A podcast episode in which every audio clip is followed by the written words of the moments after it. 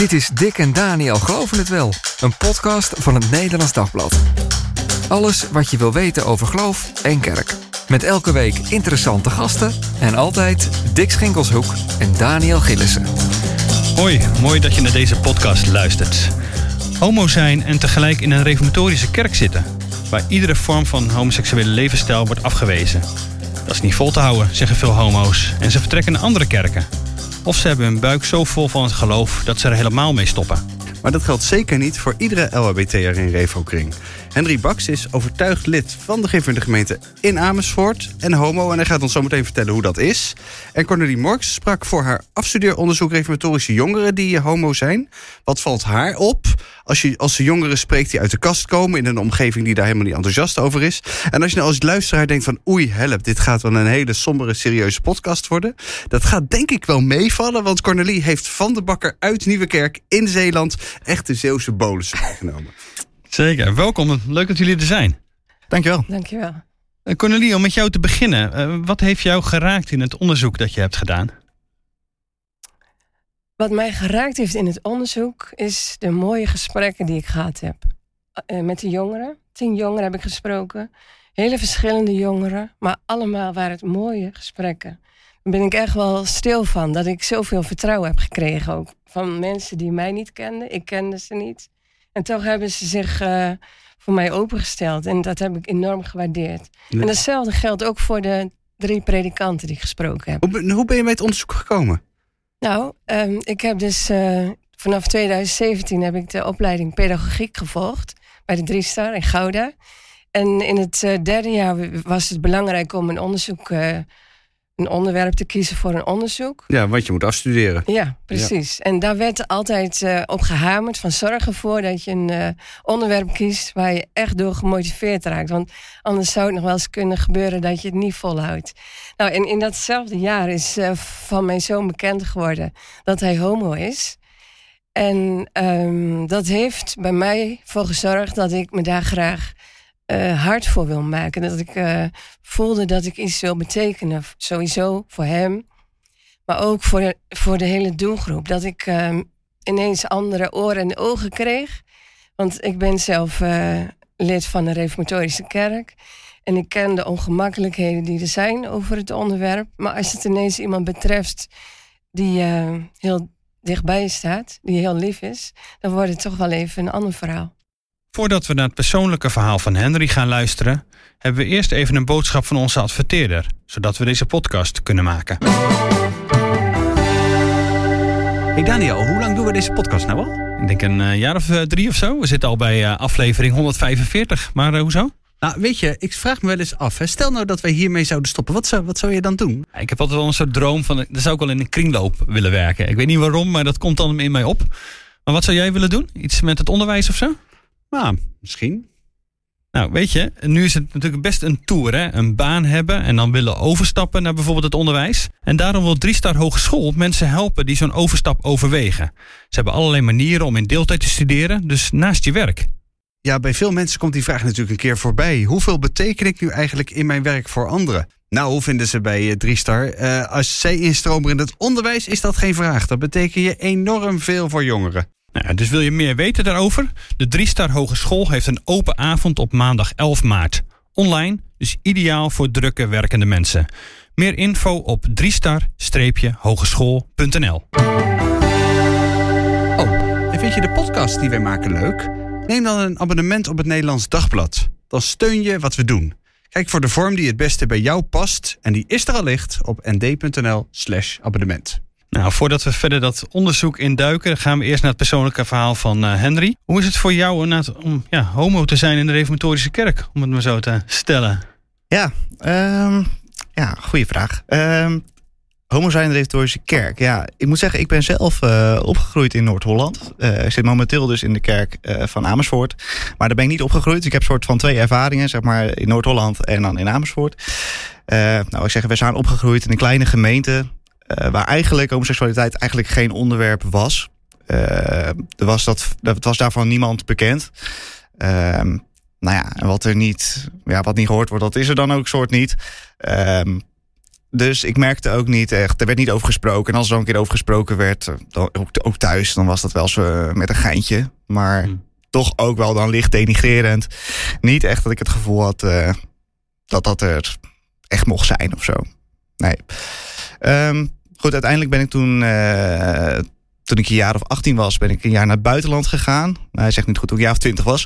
Eh, toen ben ik daarna teruggekomen. En tussentijds ben ik ook nog ehm, eh, op een JV-avond bij ons in de gemeente van De jeugdvereniging dus, ja. Ja, van de Ja. jeugdvereniging. Gevraagd eh, om daar te delen waarom ik dat werk ben gaan doen in het buitenland. En dat had ook wel te maken met mijn geaardheid. In die zin dat, ik, dat ja, je, weet, je je hebt meer vrijheid. Je weet, ik heb geen gezin. Ik heb ervoor gekozen om ook geen relatie aan te gaan. Dus ik krijg ook geen gezin. Dat geeft me ook alweer mogelijkheden. En toen ben ik wel naar de JV-leider, de jeugdvereniging-leider toegegaan. Van ja, ik wil dat wel delen, maar ik wil ook dit graag delen. Want eh, ja, ik wil ook vertellen waarom ik dit werk ben gaan doen. Nou, en zo eh, heb ik dat bekendgemaakt ook. eh, hij was tegelijkertijd de jeugdvereniging-leider, ook kerkraadslid. Dus was het bekend in de kerkraad. Heb ik dat op de jeugdvereniging verteld. Ja, dan eh, weet de kerk dat natuurlijk. En hoe ging dat? Ehm, ja, ik ben dus naar hem toe gegaan. Ehm, en ik, heb, eh, ik zat zo met hem ook aan, zijn bureau, zeg maar. Ik wilde hem even persoonlijk spreken. Ehm, en ik heb hem dat verteld. En ja, ik wist ook van het wordt niet het meest gemakkelijke gesprek. Omdat, ik, omdat het gewoon helemaal niet speelde bij ons eh, in de gemeente en in, in de omgeving. Ook niet in zijn omgeving, voor zover ik wist. Ehm, en ik merkte ook dat hij ja, niet zo heel veel wist te zeggen. Ik, ik voelde geen, eh, geen vervelende emoties of zo, een nare emoties.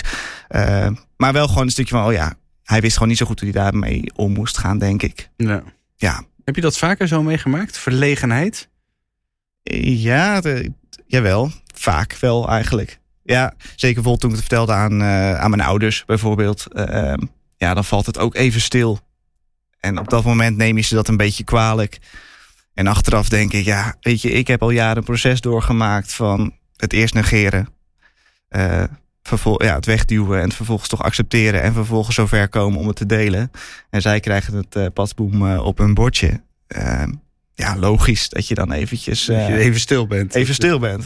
Maar heb je een directe kring met afwijzing te maken gehad? Of was het toch wel meteen acceptatie van jou? eh, Ja, Als persoon? nou, ik heb zelf persoonlijk nooit afwijzing ervaren. Nee, echt wel. eh, ja, wat ik zeg, mensen soms even stil vielen. Of eh, ja, dat ik zelfs niet echt heel handig het verwoorden door de spanning. Dat ik bijvoorbeeld zei van, eh, ja, ik moet jullie vertellen, ik denk dat ik homo ben bijvoorbeeld. Ja, dat ook, ook ja, weet je het zeker of denk je het? Weet je wel, dat je toch dat soort Ja. vragen krijgt, maar die ik dan ook niet begrijp. gewoon, ik ben homo bedoel je? nee, ja, het is zo, weet je, om dat voor Ja, de eerste keer Precies, uit je mond la- te horen komen, dat is gewoon heel erg moeilijk. En dat maakt het soms dat je het een beetje onhandig brengt. En dat, nou, dat helpt dan ook niet mee om een hele goede reactie te krijgen. Maar nee hoor, dat was altijd wel eh, uiteindelijk heel positief.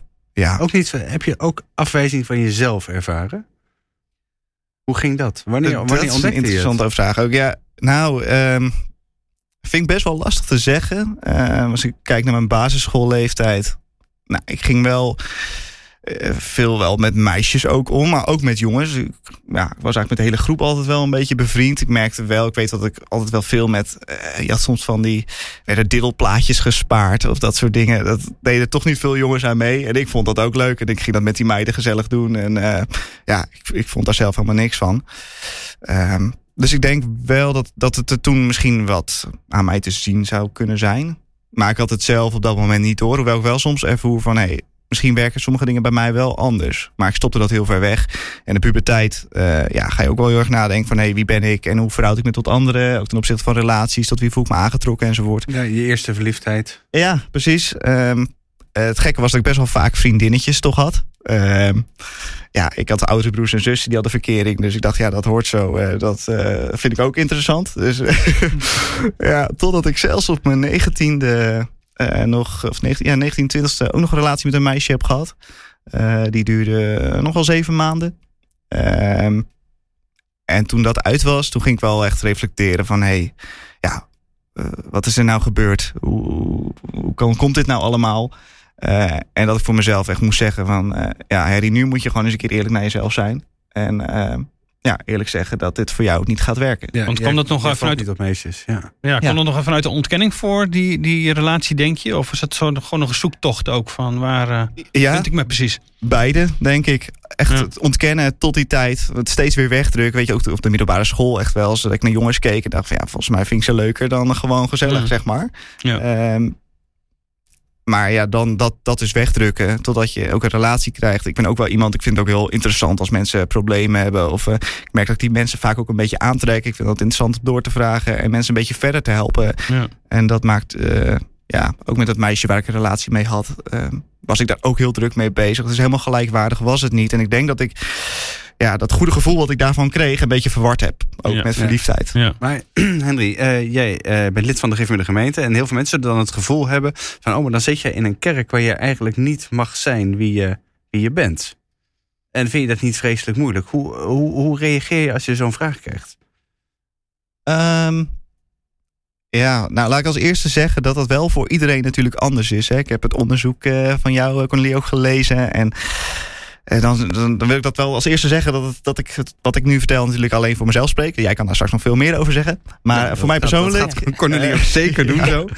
ja, maar voor mij persoonlijk heb ik nooit echt afwijzing ervaren. Wel een stukje onwetendheid, ehm, maar geen afwijzing. Nee, als ik kijk nu naar de gemeente waar ik lid ben, denk ja, ik mag daar het kinderkoor dirigeren. Ik heb daar de jeugdvereniging geleid. Ehm, ik werk dan ook op een reformatorische basisschool. Dus ik voel in mijn omgeving geen afwijzing omdat ik homo ben. Nee. Kun je zeggen dat is eigenlijk geen probleem in de reformatorische kring...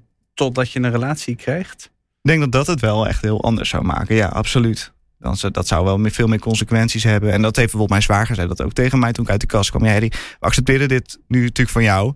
Ehm, eh, omdat we jou kennen, we weten hoe jij eh, ook in het geloof staat en hoe belangrijk dat voor jou is. En, en ik was al redelijk snel, toen ik het vertelde, ook wel duidelijk in hoe ik, eh, ja, hoe ik daarin wilde leven, zeg maar. Eh, dat maakte ook wel, denk ik, dat ik die afwijzing niet heb ervaren. Ik kan me voorstellen dat dat anders, anders had kunnen zijn. Ja. Vond je dat niet heftig dat ze zeiden, ja, we accepteren je wel zoals je bent, maar mag ga je er nog anders over denken, dan heeft dat wel consequenties. Ja, zo zei hij dat niet, maar wel zo van. Ja, dat heeft, dat heeft natuurlijk wel de- daarmee te maken met de Ja. acceptatie. Het is wel voorwaardelijk, lijkt. Of ervaar je dat niet zo? Ehm, ja, het, het ingewikkelde is, ik was, kwam op mezelf, voor mezelf tot de conclusie van: hé, hey, ehm, Hm. ik heb mijn gevoel en mijn, eh, mijn emoties en mijn verlangens. Ehm, eh, daarnaast ben ik opgegroeid met de Bijbel en heeft dat voor mij in mijn leven heel veel waarde gekregen. En eh, wat je natuurlijk in de maatschappij veel ziet, is dat je, ja, wat voel ik? Dat is ook wie je bent en dat moet je soort uitleven. En de Bijbel geeft voor mij een soort normen en waarden buiten mijzelf die vaststaan, waar ik uit wil leven. En dat geeft mij ook heel veel rust. Ehm, dat ik daar elke keer weer naar terug kan, omdat je gevoel of eh, wat anderen zeggen, ook in de kerk, natuurlijk ontzettend verwarrend is. Ja. Maar hoe, bes- hoe besluit je zoiets? Je hebt besloten van ik wil geen, geen relatie. Hoe kom je bij zo'n stap? Want het is ook het is een immense stap. Ja, dat vind jij. Ja, dat vind ik wel, ja. Ja, ja. Ja, ik denk soms wel dat we eh, zoals het het huwelijk en relaties misschien ook wel eens heel groot kunnen maken in onze wereld of zo. Dat, dat, dat is echt. Ik merk, en ook in de kerk merk ik dat ook, hè, dat dat echt heel belangrijk is. Een soort ben- summum, zeg maar, van, Ja. van, van, van, ik heb van pas heb ik een, van het eh, leven, op een maar. jeugdvereniging een avond geleid. En toen zat daar een ouderling in, eh, in de zaal. En die, eh, die zei tegen mij van... eh eh, naderhand van ja, die vertelde twee verhalen van eh, homo's die die kenden die eh, toch getrouwd waren. En één had zelfs kinderen gehad. Alsof ja, die hadden wel hun leven soort van gemaakt en ik niet. Ja, getrouwd met een vrouw dus inderdaad. Ja, hè, getrouwd met een vrouw, even. Ja, precies. Ja, ja, Ja, ja. Ik denk van ja, maar is, dus is dat echt eh, het, doel van het ja. leven? Ja. Ik denk dat er meer is. Maar goed, tegelijkertijd, eh, ik snap je vraag wel. eh, Zullen we zo nog één keer kunnen Nou ja, ik bedoel, hoe, hoe besluit je zoiets dat je, Ja. dat je geen, geen relatie wil? Ja, nee, dat. ehm ja, ontdek, op een gegeven moment ontdek je het dus bij jezelf. ehm, nou ja, in zekere mate accepteer je het bij jezelf. Van oké, het is zo. Maar dan ga je inderdaad wel nadenken van en nu? Hoe ga ik verder? Hoe ga ik mijn leven vormgeven? Eh, wat wil ik? Wat vraagt God daarin? Eh, wat is daarin mijn verlangen? Eh, en dat maakte wel dat ik best wel veel ben gaan lezen enzovoort. En op onderzoek uitging. waardoor ik ook wel heel erg in verwarring raakte. Eh, ehm, eh, ook binnen de kerk is er natuurlijk ontzettend veel. allerlei meningen Ja. hoor je van alle kanten. Ehm, uiteindelijk bracht dat mij ook wel terug naar de Bijbel. Dat ik dacht, oké, eh, dat is iets waar we, ja, waar we al jaren uit leven, zeg maar. En eh, wat voor mij ook wel eh, in heel veel aspecten ook normen met zich meebrengt. Wat vind ik daar? En dan vind ik nou, dat, dat, God, dat Jezus zichzelf vergelijkt, of het beeld gebruikt van hem als bruidegom, met zijn bruidsgemeente, zijn christelijke kerk, zijn kinderen. Um, nou, de waarde van, van een huwelijk tussen man en vrouw. Um, en als het over homoseksualiteit ging of gaat in de Bijbel, toch altijd in negatieve zin. En dat was voor mij. Ja, ik heb, ik heb geen hele diepgaande theologische argumenten. die had ik zelf ook niet nodig. Het was gewoon, ja, weet je, ik wil ook niet op het randje gaan lopen. Als dit is wat God van mij vraagt, daar ben ik van overtuigd. Um, ja, dan ga ik kijken hoe ik zo mijn leven vorm kan geven. En ik ben ook wel een beetje rationeel ingesteld. Um, ik heb ook gevoel natuurlijk, zeker. Maar ook wel een soort rationeel ingesteld. Van ja, daar kan ik ook wel een soort knop omzetten. Of daar krijg je ook de kracht voor misschien. Ja. ja. Cornelie, je hebt, uh, nou ik wil zeggen, we hebben net het verhaal van Henry uh, gehoord. Jij uh, hebt tien jongeren gesproken met soortgelijke verhalen misschien wel, misschien wel met hele andere verhalen. Herken je het verhaal van Henry of zeg je van, ik heb ook hele andere dingen gehoord voor mijn onderzoek? Ja, ik heb eigenlijk best hele verschillende verhalen ook gehoord. Ook wel verhalen zoals jij, Henry. Ik wil wel even zeggen dat ik veel respect heb voor de manier waarop jij je over spreekt en hoe jij dat beleeft. En ik heb dus ook wel meerdere jongeren gesproken die dat zelf ook zo ervaren. Die, voor hen is het ook echt uh, duidelijk dat voor hen een relatie niet weggelegd is. En er waren ook anderen waar dat toch veel moeilijker lag. Ook een jongere die had echt zo'n. Die had echt een strijd daarmee. Hij wilde graag doen wat God van hem vroeg. Maar hij was er ook achter gekomen op het moment dat hij verliefd werd. Dus op dat moment ging mhm. hij dus daar echt over nadenken. Want hij had nog niet eerder daar uh, zoveel gedachten over gehad. En dan moet je dus al vanuit een hele andere positie daarover gaan denken. En hij heeft daar dus heel veel moeite in ervaren met zijn uh, kerkelijke gemeente. Omdat voor zijn gevoel hij te veel daarin gestuurd werd. Van de enige juiste keuze is de keuze om... Ja geen relatie aan te gaan. Klopt, want hij wilde dus ook graag ontdekken wat zijn weg zou moeten zijn. En zijn predikant gaf aan van dan moet je die relatie uitmaken, want anders kan je niet goed nadenken daarover. En hij gaf daarin ook aan, dat klopt ook wel. Maar het was mijn enige houvast, hij. Want thuis waren ze niet zo uh, positief. Voor, hen, voor zijn ouders was het heel moeilijk. Om, uh, kun je toch bijna niet uitkomen dan? Nee, dat was ook zo. Ja. Dat was ook zo. Hij heeft dat zo ervaren.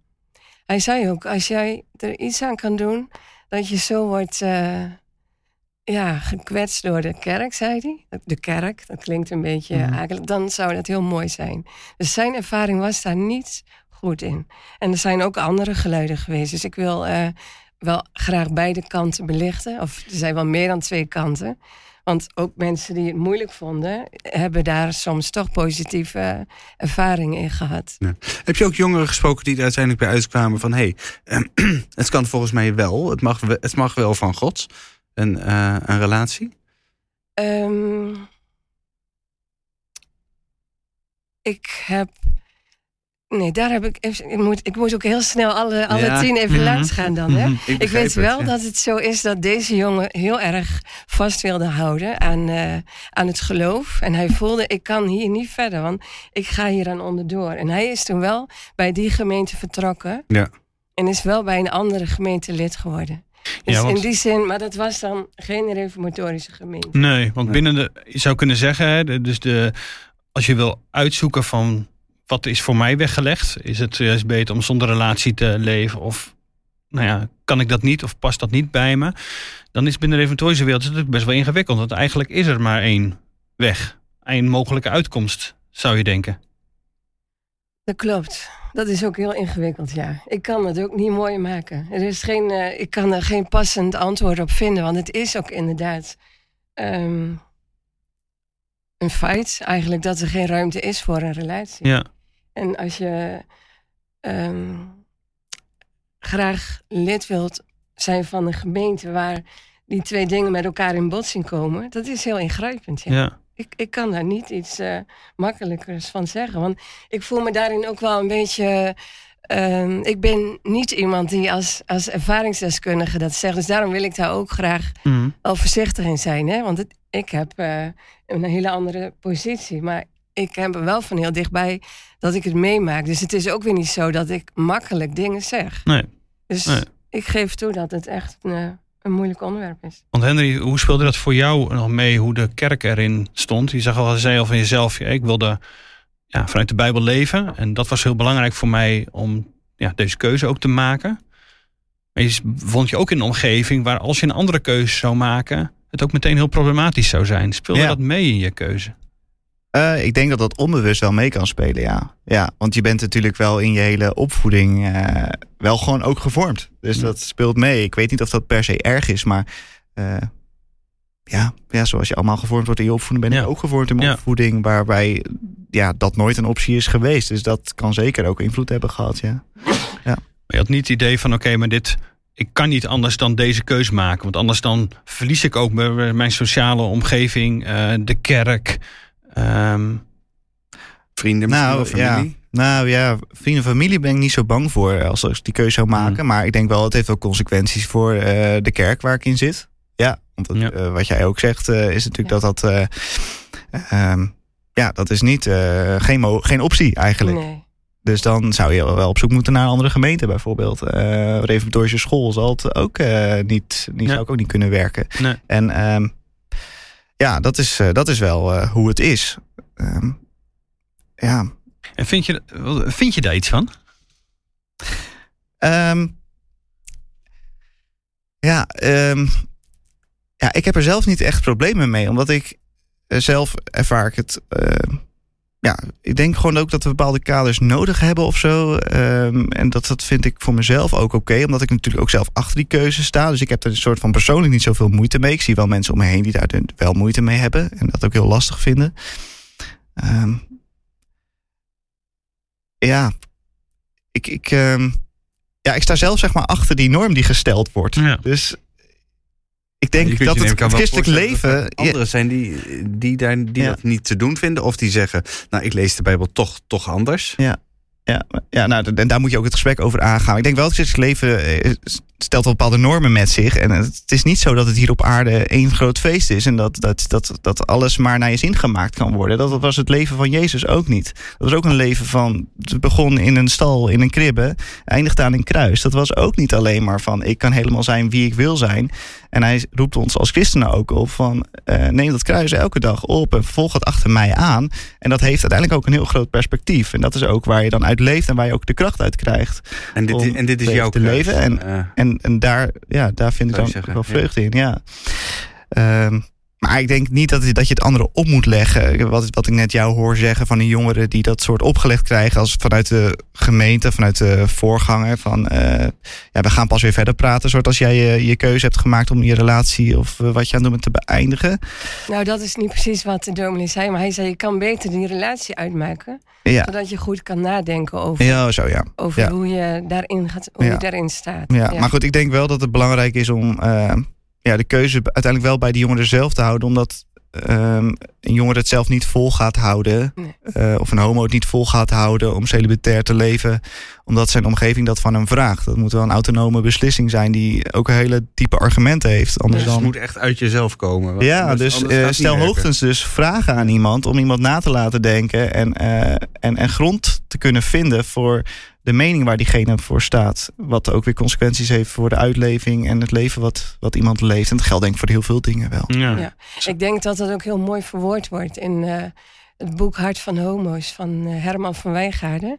Daarin schrijft hij ook over dat het belangrijk is voor een jongere om te komen van erkenning van je homoseksualiteit naar het verantwoording nemen voor je eigen homoseksualiteit. Hoe jij daarin Hm. eh, een leven wilt zoeken. Hm. En dat het niet een ander kan eh, opleggen. Nee, het is jouw leven, het is jouw weg, het is ook Ja. jouw verantwoordelijkheid. Precies. Eh, En ja. dat is wel een, eh, een hele belangrijke beslissing. Want juist in een periode dat je als jongere sowieso al aan het ontdekken bent van wie ben ik en wat wil ik, maakt het voor een reformatorische jongere al extra ingewikkeld vanuit de opvoeding. En als je kijkt wat er in de maatschappij allemaal mogelijk is. En als je dan ook nog eens een reformatorische homo-jongere bent. Ja, dan wordt het nog veel ingewikkelder eigenlijk. Want dan heb je daar ook al keuzes in te maken. Terwijl een andere jongere bepaalde beslissingen uit kan stellen en nog een stukje vrolijk kan leven, wordt er van jou Mhm. al eigenlijk veel meer keuzes verwacht. Ja, er wordt ik- meteen al verwacht dat je daar iets over zegt. Ja, wat de maar rest ja. van je leven. Maar ook omdat eh, je er iets over invloed. voelt vanuit je Ja, binnenste. ja, En precies. Vanuit mijn pedagogische studie heb ik daar dan ook aandacht aan besteed. Omdat je dan ook die ontwikkeling van die jongeren ziet. En hoe nog veel ingewikkelder die dan is. Maar heb je voor dat punt inderdaad voor, voor kerkenraden, dominees een advies? Dat je denkt, oké, maar daar let dan daarop. Als je vanuit die ontwikkeling van, van die jongeren ook denkt. Jazeker, heb ik dat eh, ontdekt. En dat heb ik niet zelf ontdekt. Maar dat hebben jongeren ook meegegeven. Dat ze ook ruimte nodig hebben. Ruimte. Ruimte is een belangrijke... Tijd en ruimte. Ja. Geef die eh, jongeren ook gewoon de kans om, om zelf daarmee aan de slag te gaan. Want alles wat je opgelegd wordt, is niet houdbaar. Mm-mm. Je Ja. moet daar zelf een weg in zoeken. Ja. Eh, nog, nog niet zo lang geleden was het natuurlijk dat, dat, eh, dat heel veel kerken dat standpunt wat de gemeente en andere reformatorische kerken hebben van homorelaties, die kunnen niet. Was eigenlijk in veel kerken gebruikelijk. Eh, ook in, als je even in de, in de bond, in de protestantse kerk of in Nederlands gereformeerde kerken, waar ook de vrijgemaakten bij hoorden. Daar is eigenlijk veel in veranderd. Ehm, hoe zie jij dat, Henry? Dat het, vind je dat hoe kijk je daarnaar, naar die ontwikkeling dat inderdaad van een deel in christelijk Nederland, wat ook nou ja, als orthodox christelijk Nederland wordt, eh, wordt gezien, eh daar toch een hele verandering zichtbaar is als het gaat om acceptatie van homorelaties? Ehm, ja, dat heb je op het gebied van homorelaties. En dat heb je natuurlijk over veel meer gebieden. Merk je dat er steeds meer eh, diversiteit ook binnen de kerk komt. En ik denk dat dat best wel veel verwarring geeft. Als ik het, inderdaad een stukje homoseksualiteit, omgang met homo's kijk. Dan denk ik ehm, dat je daarmee. eh, dat het homo's ook wel weer moeilijker wordt gemaakt. Ik ken ook wel eh, eh, homo's die eh, in een kerk eh, zaten. Die inderdaad ook een beetje zo'n transitie zat van het niet accepteren van homoseksuele relaties naar het wel accepteren van homoseksuele relaties. En die zei van ja, ik kan hier nu eigenlijk niks. Want ehm, wat, is, wat is nu de visie van de gemeente? Eh, hoe ga ik me daartoe verhouden? Ehm, ik heb zelf, ben ik persoonlijk van overtuigd dat het niet oké is om een relatie aan te gaan. Dus dan wordt het ook weer ingewikkeld. Want je krijgt niet volledige support vanuit je kerk en vanuit de ambtsdragers in de gemeente. Dus die ging vervolgens naar een gemeente waar het wel weer eh duidelijke visie eh, op was. En waar homose- homo- homoseksuele, zo, zo, homoseksuele relaties dus niet werden geaccepteerd. Dus ik denk dat het heel veel verwarring ook wel kan geven. Ja. Van, En maar wat is dan juist? En dat had, had ik zelf ook toen ik het zelf ontdekte. hè. Dan ga je op zoek naar christelijke literatuur. En dan denk je van oké, dan ga ik daar het antwoord vinden. En dan vind je nog, ja, ik kan dat het alle kanten op kan. Ik, Cornelie, ik denk dat jij, dat jongeren die jij gesproken hebt, ook wel, eh, dat, die, die, dat zul je van hen ook wel gehoord hebben. Ja. Nee, maar ik, eh, als in de ene kerk zeggen ze dit en de andere kerk zeggen ze dat. En in mijn eigen kerk mag het niet, maar ga ik bij de buren, dan, eh, dan is het ineens geen probleem.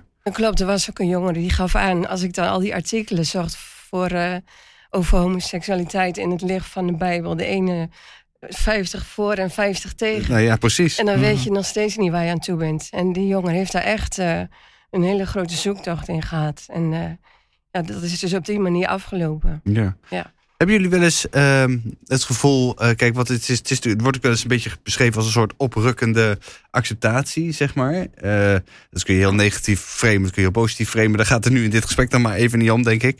Maar eh, dat de reformatorische wereld straks nog maar een van de enige plekken is, en misschien zelfs ook wel verdwijnt op den duur, waar, waar mensen op grond van de Bijbel moeite houden met homorelaties. Dus dat de dingen heel erg snel veranderen. En misschien ook wel, ook wel in de refozaal. Of lijkt het jullie niet mogelijk? Nou, dan moet er wel heel veel veranderen, denk ik. Want over het algemeen heb ik de indruk dat er daar nog wel een hele duidelijke eh, visie op is. Je ziet dat niet van. Binnen reformatorische morgen, kerken. Ja, ik, ik kan natuurlijk niet in de toekomst kijken. Maar als ik eh, alles wat ik nu gelezen heb over het onderwerp, is toch wel redelijk stellig nog. Hm. En eh, ik kan me ook voorstellen dat je daar wel meer een eenling in zult worden. Als je die eh, mening ook toegedaan bent. Dat je jezelf moet verdedigen. Want dat hoor ik ook echt wel van jongeren die eh, kiezen voor geen relatie. Dat je eigenlijk in beide eilanden niet thuis voelt. Bij de, bij de kerk niet, omdat er nog niet altijd oog is voor de jongeren. Niet altijd. Ik zeg het niet, er zijn ook heel veel mooie dingen. Dat wil ik echt wel benadrukken. Maar ook niet bij de, de inclusieve wereld, zeg maar, waar alles wel goed is en waar alles mag. Want daar voelen ze zich ook niet thuis. Dus je bent dan best Ja, een eenling. doen, dan doen ze moeilijk en dan. eh, Ja, Ja. Ja, dus dat vind ik best wel naar. En daarom denk ik ook dat jongeren die ervoor kiezen om eh, geen relatie aan te gaan, onze steun in de gemeente gewoon keihard nodig hebben. Want zat het bij jou wel eens onder druk, Henry? Dat je denkt inderdaad, ik moet het echt uitleggen, ook aan andere christenen, wat mijn keuze is. En dat dat, nou ja, dat het bijna vreemd aankijken. Ehm, nou, ik bevind mezelf echt wel eh, behoorlijk in de reformatorische zeil natuurlijk. Je zit Eh, flink in een bubbel. zeg maar. Ja, ja, op het moment wel. eh, met, met de reformatorische school, de reformatorische kerk. eh is ook allemaal nog eens op loopafstand van elkaar. Dus het is een beetje een kringetje. Ehm, Gezellig. ja, ook niet altijd gezond. Dus ja, ik volg dan nu ook een studie, zeg maar. gewoon op een openbare school. En dat vind ik dan ook wel eigenlijk best wel fijn. Want ik vind het ook belangrijk dat je als christen en ook als leerkracht natuurlijk wel een beetje kennis hebt van wat er in de wereld speelt. Ehm, Maar dat verdedigen, zeg maar, dat, dat verdedigen van jouw keuze aan, naar andere christenen toe? Of sowieso? nee, eh, omdat ik me veel echt onder reformatorische christenen Hmm. bevind. ehm, ja, speelt dat voor mij niet zo. eh, nee. Nee. Een, een paar weken geleden kwam de regenboogverklaring uit. Heb je misschien ook gelezen. Hè? En dat was een, een, een verklaring van christenen die zeiden van ja, wij vinden dat homo's onrecht is aangedaan in de kerken. En daarvoor willen we ja, schuldbelijdenis doen. Je kunt ook die schuldverklaring tekenen online. Dat hebben inmiddels zo'n 1700 mensen gedaan. En die zeggen ja, in plaats van jou te verwelkomen, hebben we die kerkdeur voor je neus dichtgesmeten. Hm. Doet dat iets met je, zo'n verklaring, eh, Henry? Eh, Vind jij dat belangrijk of denk je, nou ja, Ja, ik moet heel eerlijk zeggen, ook wat er tegenwoordig in de media allemaal over gesproken wordt en zo. Er wordt zoveel over gezegd en dan denk ik, het wordt ook zo groot gemaakt. En voor mezelf is het heel groot geweest en gelukkig is het nu. eh, ja, weet je, homoseksualiteit is natuurlijk een stukje van wie ik ben, maar ehm, ik ben zeg maar veel meer dan dat. Dus ehm, ik heb soms wel een beetje moeite met dat soort verklaringen, omdat het, ja, het helpt jou niet verder? het helpt mij absoluut niet verder. En ik vind het. eh,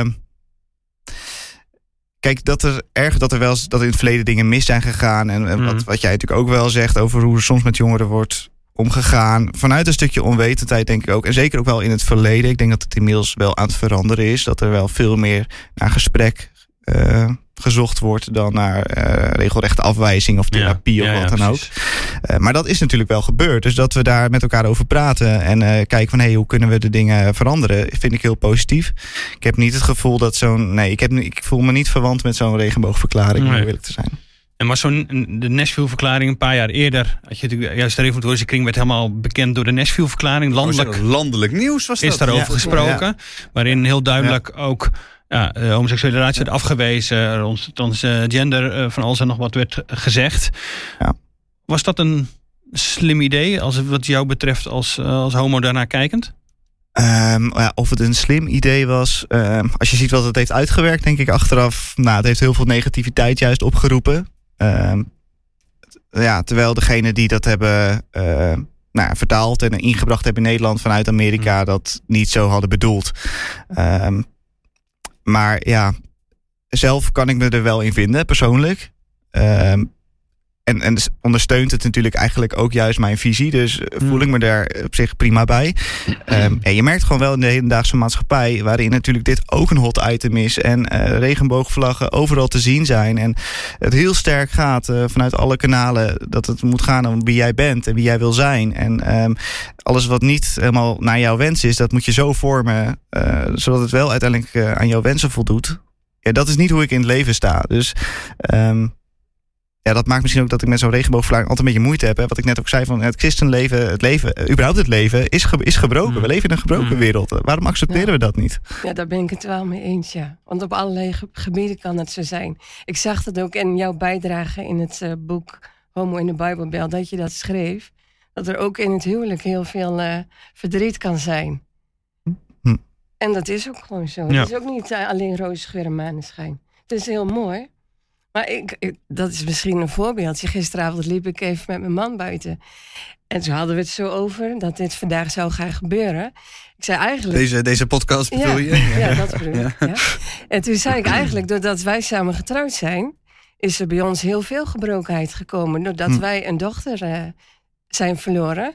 En omdat wij getrouwd zijn en wij haar gekregen hebben, is er ook iets gebeurd wat je als bijna als ergste kan bedenken wat de ouders overkomt.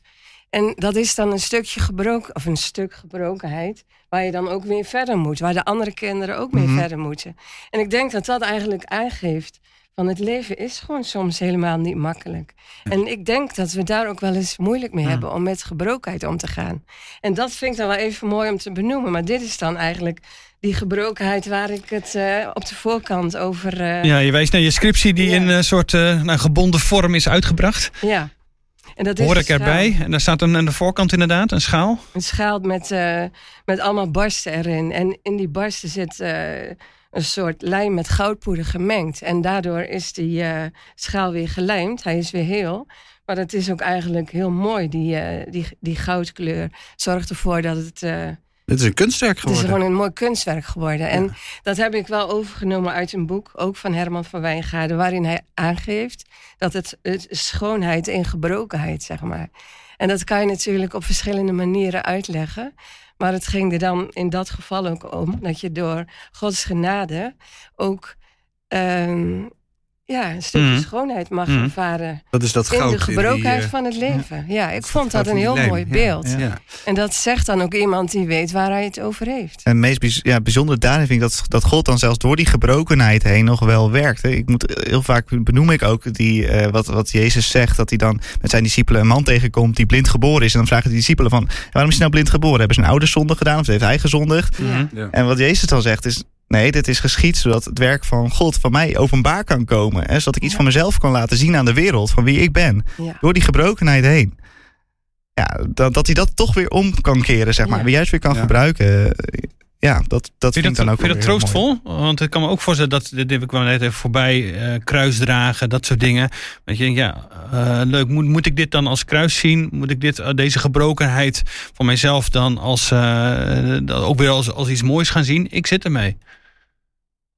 Ehm, En met ja. heel veel dingen in het leven doen we dat natuurlijk helemaal niet zo. Ik bedoel, wij zijn, wij zijn toevallig alle vier brildragers. Eh, en we zeggen ook niet van ja, ik bedoel, dat feit dat we niet helemaal goed kunnen zien, eh, dat, is het, eh, dat is maar een kruis voor ons. Dan lopen we maar af en toe tegen een deur aan. Nee, wat we doen, we gaan naar de opticien en we gaan die bril laten aanmeten. Ja, precies. Ja, maar daar kan je natuurlijk ook iets aan doen. Dus, eh, ja, dus over het mm. algemeen gaat dat vrij ja. dat- ja, dat- vergelijking gaat nooit helemaal op. Nee. Eh, dat is, eh, Mm. Ik bedoel, zeg maar meer van, ja, dit is allemaal heel leuk om over gebrokenheid en kruis te, te, te, te, te spreken. Want het wordt soms door de, de omgeving dan gedaan. Maar ja, jij bent wel degene die, die ermee om moet gaan. Ja, ja, dat klopt. Daar moet je mee, mee omgaan. Ehm, en eh, dat vraagt ook wel wat van jezelf en ook van, van je omgeving. Ja, dus als je het hebt over homo zijn in de kerk, dat vraagt ook wat van de mensen in de kerk. Ehm, ja, en het is, ja. eh, wat ik nogmaals, ik spreek hier natuurlijk ook soort van Mhm. voor mezelf, hoe ik het ervaar, Ja, zeg maar. zeker. En ehm, ja, dan ervaar ik het niet per se meer als echt als een negatief iets of zo. Pas vroeg iemand aan mij van, joh, als je nou een pilletje kon slikken waardoor je weer hetero zou worden, zou je die dan nemen?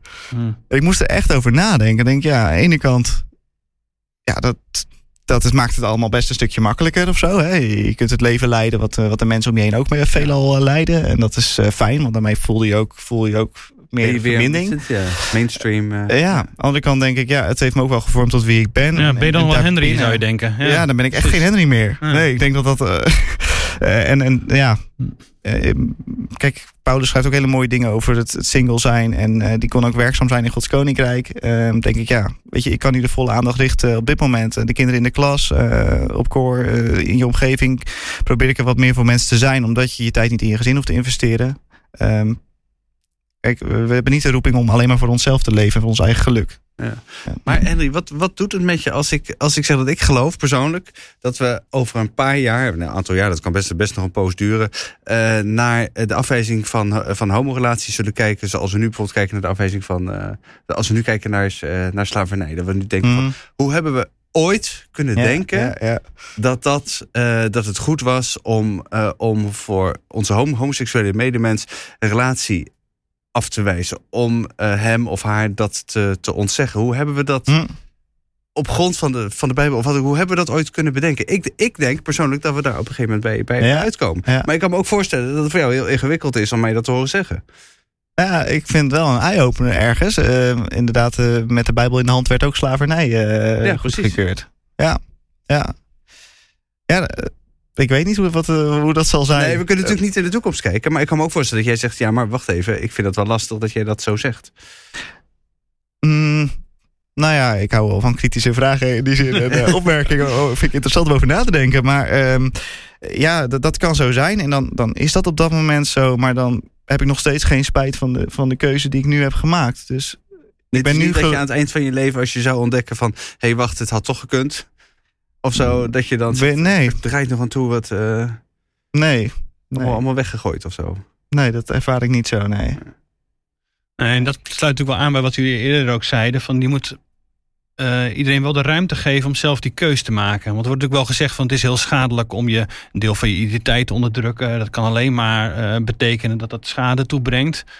Maar dat brengt vooral schade toe op het moment dat het opgelegd wordt. En dat het niet je eigen keuze is. Of hoe eh, zien jullie dat? Ik weet niet wat jij ook in onderzoek daarvan gemerkt hebt. Want je kunt natuurlijk denken van oké, het wordt eh, eh, opgelegd. Dan is het sowieso schadelijk. Als je zelf die keuze kunt maken.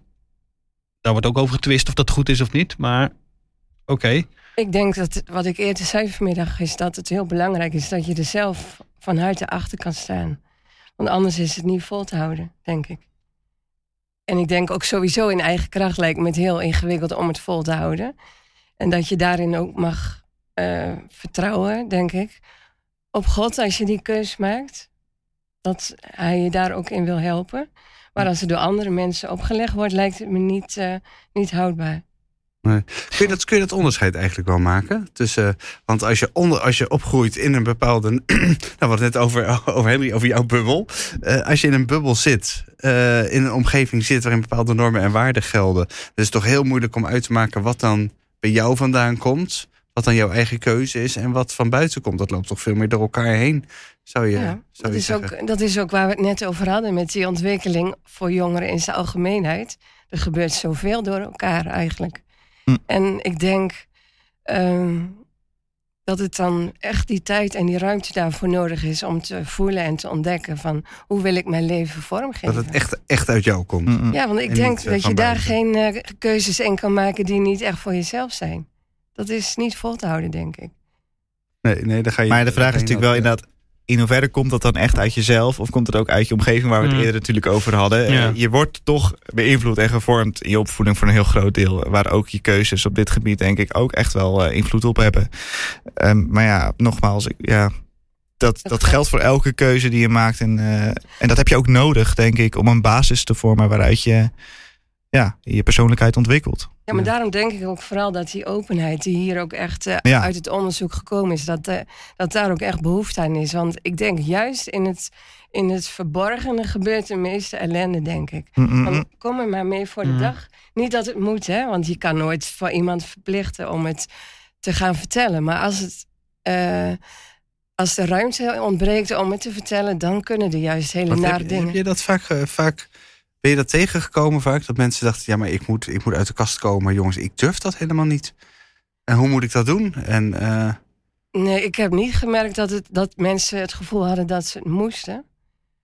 Het was, het was meer zo dat het vooral vaak wel heel pijnlijk was. Vooral ook Ja. in gezinnen. Want ik vond dat wel mooi dat een, een van de predikanten ook aangaf. Van, eigenlijk zouden we daar onze gezinnen ook eh, ehm, over moeten spreken. Van hoe belangrijk het is. Hoe je daar als gezin over spreekt. Want hij gaf toen eigenlijk een voorbeeld uit zijn eigen gezin. Dat een van zijn kinderen een best negatieve opmerking maakte over homo's. En dat hij zijn zoon toen ook be- ja, soort van vermaande. ja, Van als je dat nou tegen iemand zegt, dat is heel kwetsend. we zeggen Meteen aanpakken, ja. zusje dat- ik vond dat, wel mooi dat, hij, eh, dat hij dat ook zo eerlijk aangaf. Mm. Dat het in Ja. zijn eigen gezin ook echt nog eh, Ja. wel wat verbetering kon gebruiken. Maar dat hij ook zei van, wij Hm. moesten ook met onze gezinnen daarover hebben. Van, hoe gaan we hiermee om? Hoe spreken we over elkaar? Openheid. Openheid, ja. Maar dat was dan eh, vooral in Mhm. de gezinnen. Maar we Ja. zijn samen, de gemeente. Ja. Dus al die gezinnen bij elkaar. Die openheid begint denk ik ook bij een stukje bewustwording van dat het dus ook speelt. Ik merk in Ja. sommige omgevingen of kerken, ja, da- daar is het eh, wat ik ook in mijn eh, eerste gemeente heb ervaren. Ja, er was niemand, het leefde niet, het was er echt niet. Mensen waren ervan overtuigd dat het niet was. Nee, van En- dat, dat komt bij ons niet voor. Ja, Precies. ja. ik denk Ja, dat dat. is, is dat hoor, hoor je dat nog? Ja, dat gebeurt denk ik nog Ja? wel. Ja. Ik heb ook wel gehoord van een jongere die vertelde dan tegen de dominee. En die wist gewoon niet echt hoe hij daarmee om moest gaan. waren wel fijne gesprekken. Maar hij was dan zeg maar 12 jaar dominee. Hij had het nog nooit meegemaakt. Het was de eerste keer dat iemand hierover sprak. Het kan nooit de eerste in zijn gemeente zijn geweest, zou je denken. Tenminste, Nee, als je het gewoon eigenlijk bekijkt. Nee. En wat ik dan mooi vond is dat die jongen zei... maar u mag ook aan mij vragen. Ja. Misschien kan ik u ook Mm. wel helpen. Ja. En dat vond ik mooi. Vond ik heel Werden de rollen Ja. omgedraaid. Ja. Ja. Ja. Maar zo Ja. zie je maar, hè, als er ruimte is, Ja. dan mag Ja. er ook heel veel. Dan, Ja. Dan kan er ook En veel. hoe tof als dat dialoog dan eh, Ja, tot stand dat. komt en eh, dat we van elkaar leren. Klopt. En dan is, is die openheid, Ja. ja. die wordt me- meer en meer gecreëerd, denk ik. En wat ik ook wel denk, niet iedere jongere heeft evenveel behoefte aan aandacht in de preek, in het gebed. Want dat is denk ik ook een stukje gevoeligheid die je aan een eh, dominee zou kunnen of willen vragen. Van, wat heeft iedere jongere persoonlijk nodig? Want er zijn gewoon mensen die vinden het gewoon prima als het niet besproken wordt, maar als er maar wel de, de openheid en de ruimte Mhm. ervoor is om het Ja, erover het hoeft te hebben. niet, eh, want eh, ik- eh, eh, zou er iets zijn wat jullie, nou bijvoorbeeld aan een gifmiddengemeente dominee die met de opleiding bezig is, zouden willen meegeven van hé, hey, besteed daar nou eens aandacht aan. En dus het hoeft niet per se heel veel in de preek en zo. eh. Een soort slottip, zeg maar. ja, zo, zo er een slottip van Ja. maken. We gaan er een slottip van maken. Ja, zal ik beginnen? Ja, is goed. Eh, nou, ik, ik vind het wel heel mooi eh, als er in een gemeente bijvoorbeeld een, eh, een is, een, een, een ouderling of diaken. Ik zie dat ook bij ons in een gemeente, waarvan gewoon algemeen wel bekend is van hé, eh, daar kun je laagdrempelig gewoon eens over mee in contact gaan. Ehm, eh, ja, zo heb ik ook via een ouderling bij ons in de gemeente ook eh, eens een keer een jongen, eh, een nummer van een jongen gekregen van joh, wil je die eens contacten? Want eh, die zou het fijn vinden om eens een keer met jou in contact te komen hoe die hiermee om moet gaan. Want die worstelt met hetzelfde. Ja, dat vind ik wel mooie signalen. Dat betekent dat jongeren en naar, naar hem toe stappen. eh, en dat het dialoog wordt gevoerd. En dat er ja, op een, door, door middel van een dialoog eh, ja, een jongere geholpen wordt om antwoord te vinden op zijn vragen. Ehm, dus ja, bespreekbaar maken en eh, wellicht ook een persoon aanstellen die daarvoor beschikbaar is. En dat bespreekbaar maken nog even. Hoe zorg je dat die openheid er dan is? Want dat Ja, zal er niet... Dat, zal dat niet, hoeft er niet heel dik bovenop te Nee? liggen. Dus vooral open zijn dat je überhaupt met alles wat maar speelt bij iemand terecht kunt. benoem het wel eens een keer laagdrempelig op een gemeenteavond. Of ehm, Ja. nou ja, desnoods in een kerkblaadje of zo. Van nee, die mogelijkheid is, die je kunt bij die terecht. Dat het gewoon bekend is dat. eh, met een telefoonnummer en mailadres erbij. Dan kun je zelf kiezen hoe je zo met iemand contact opneemt. Ehm, ja, en daarnaast... eh, ja, goed, nee, daar wil ik het al bij laten. Ja. Ja.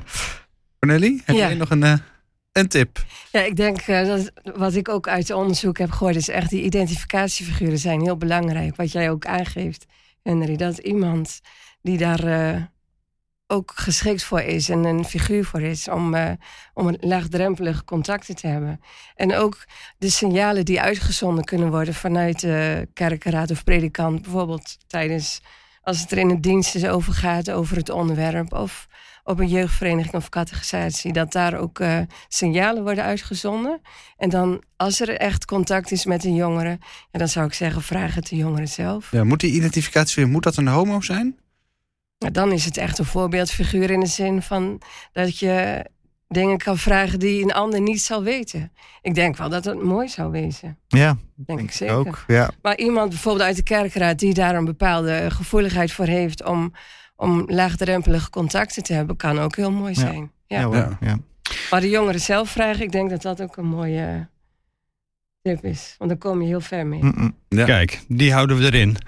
Eh, dank eh Cornelie, dank Henry, ook voor je persoonlijk verhaal. Dank dat jullie hierover eh, wilden spreken met ons. En jij als luisteraar ook bedankt voor het luisteren natuurlijk. Eh, vind je het interessant wat we doen? Overweeg dan eens een abonnement op het Nederlands Dagblad. Op nd.nl slash abonnement vind je alle mogelijkheden. Kan al vanaf 2,50 per week. Kun je alles lezen wat we maken. En daarmee steun je natuurlijk ook deze podcast. Dankjewel en eh, tot volgende week. Tot dan.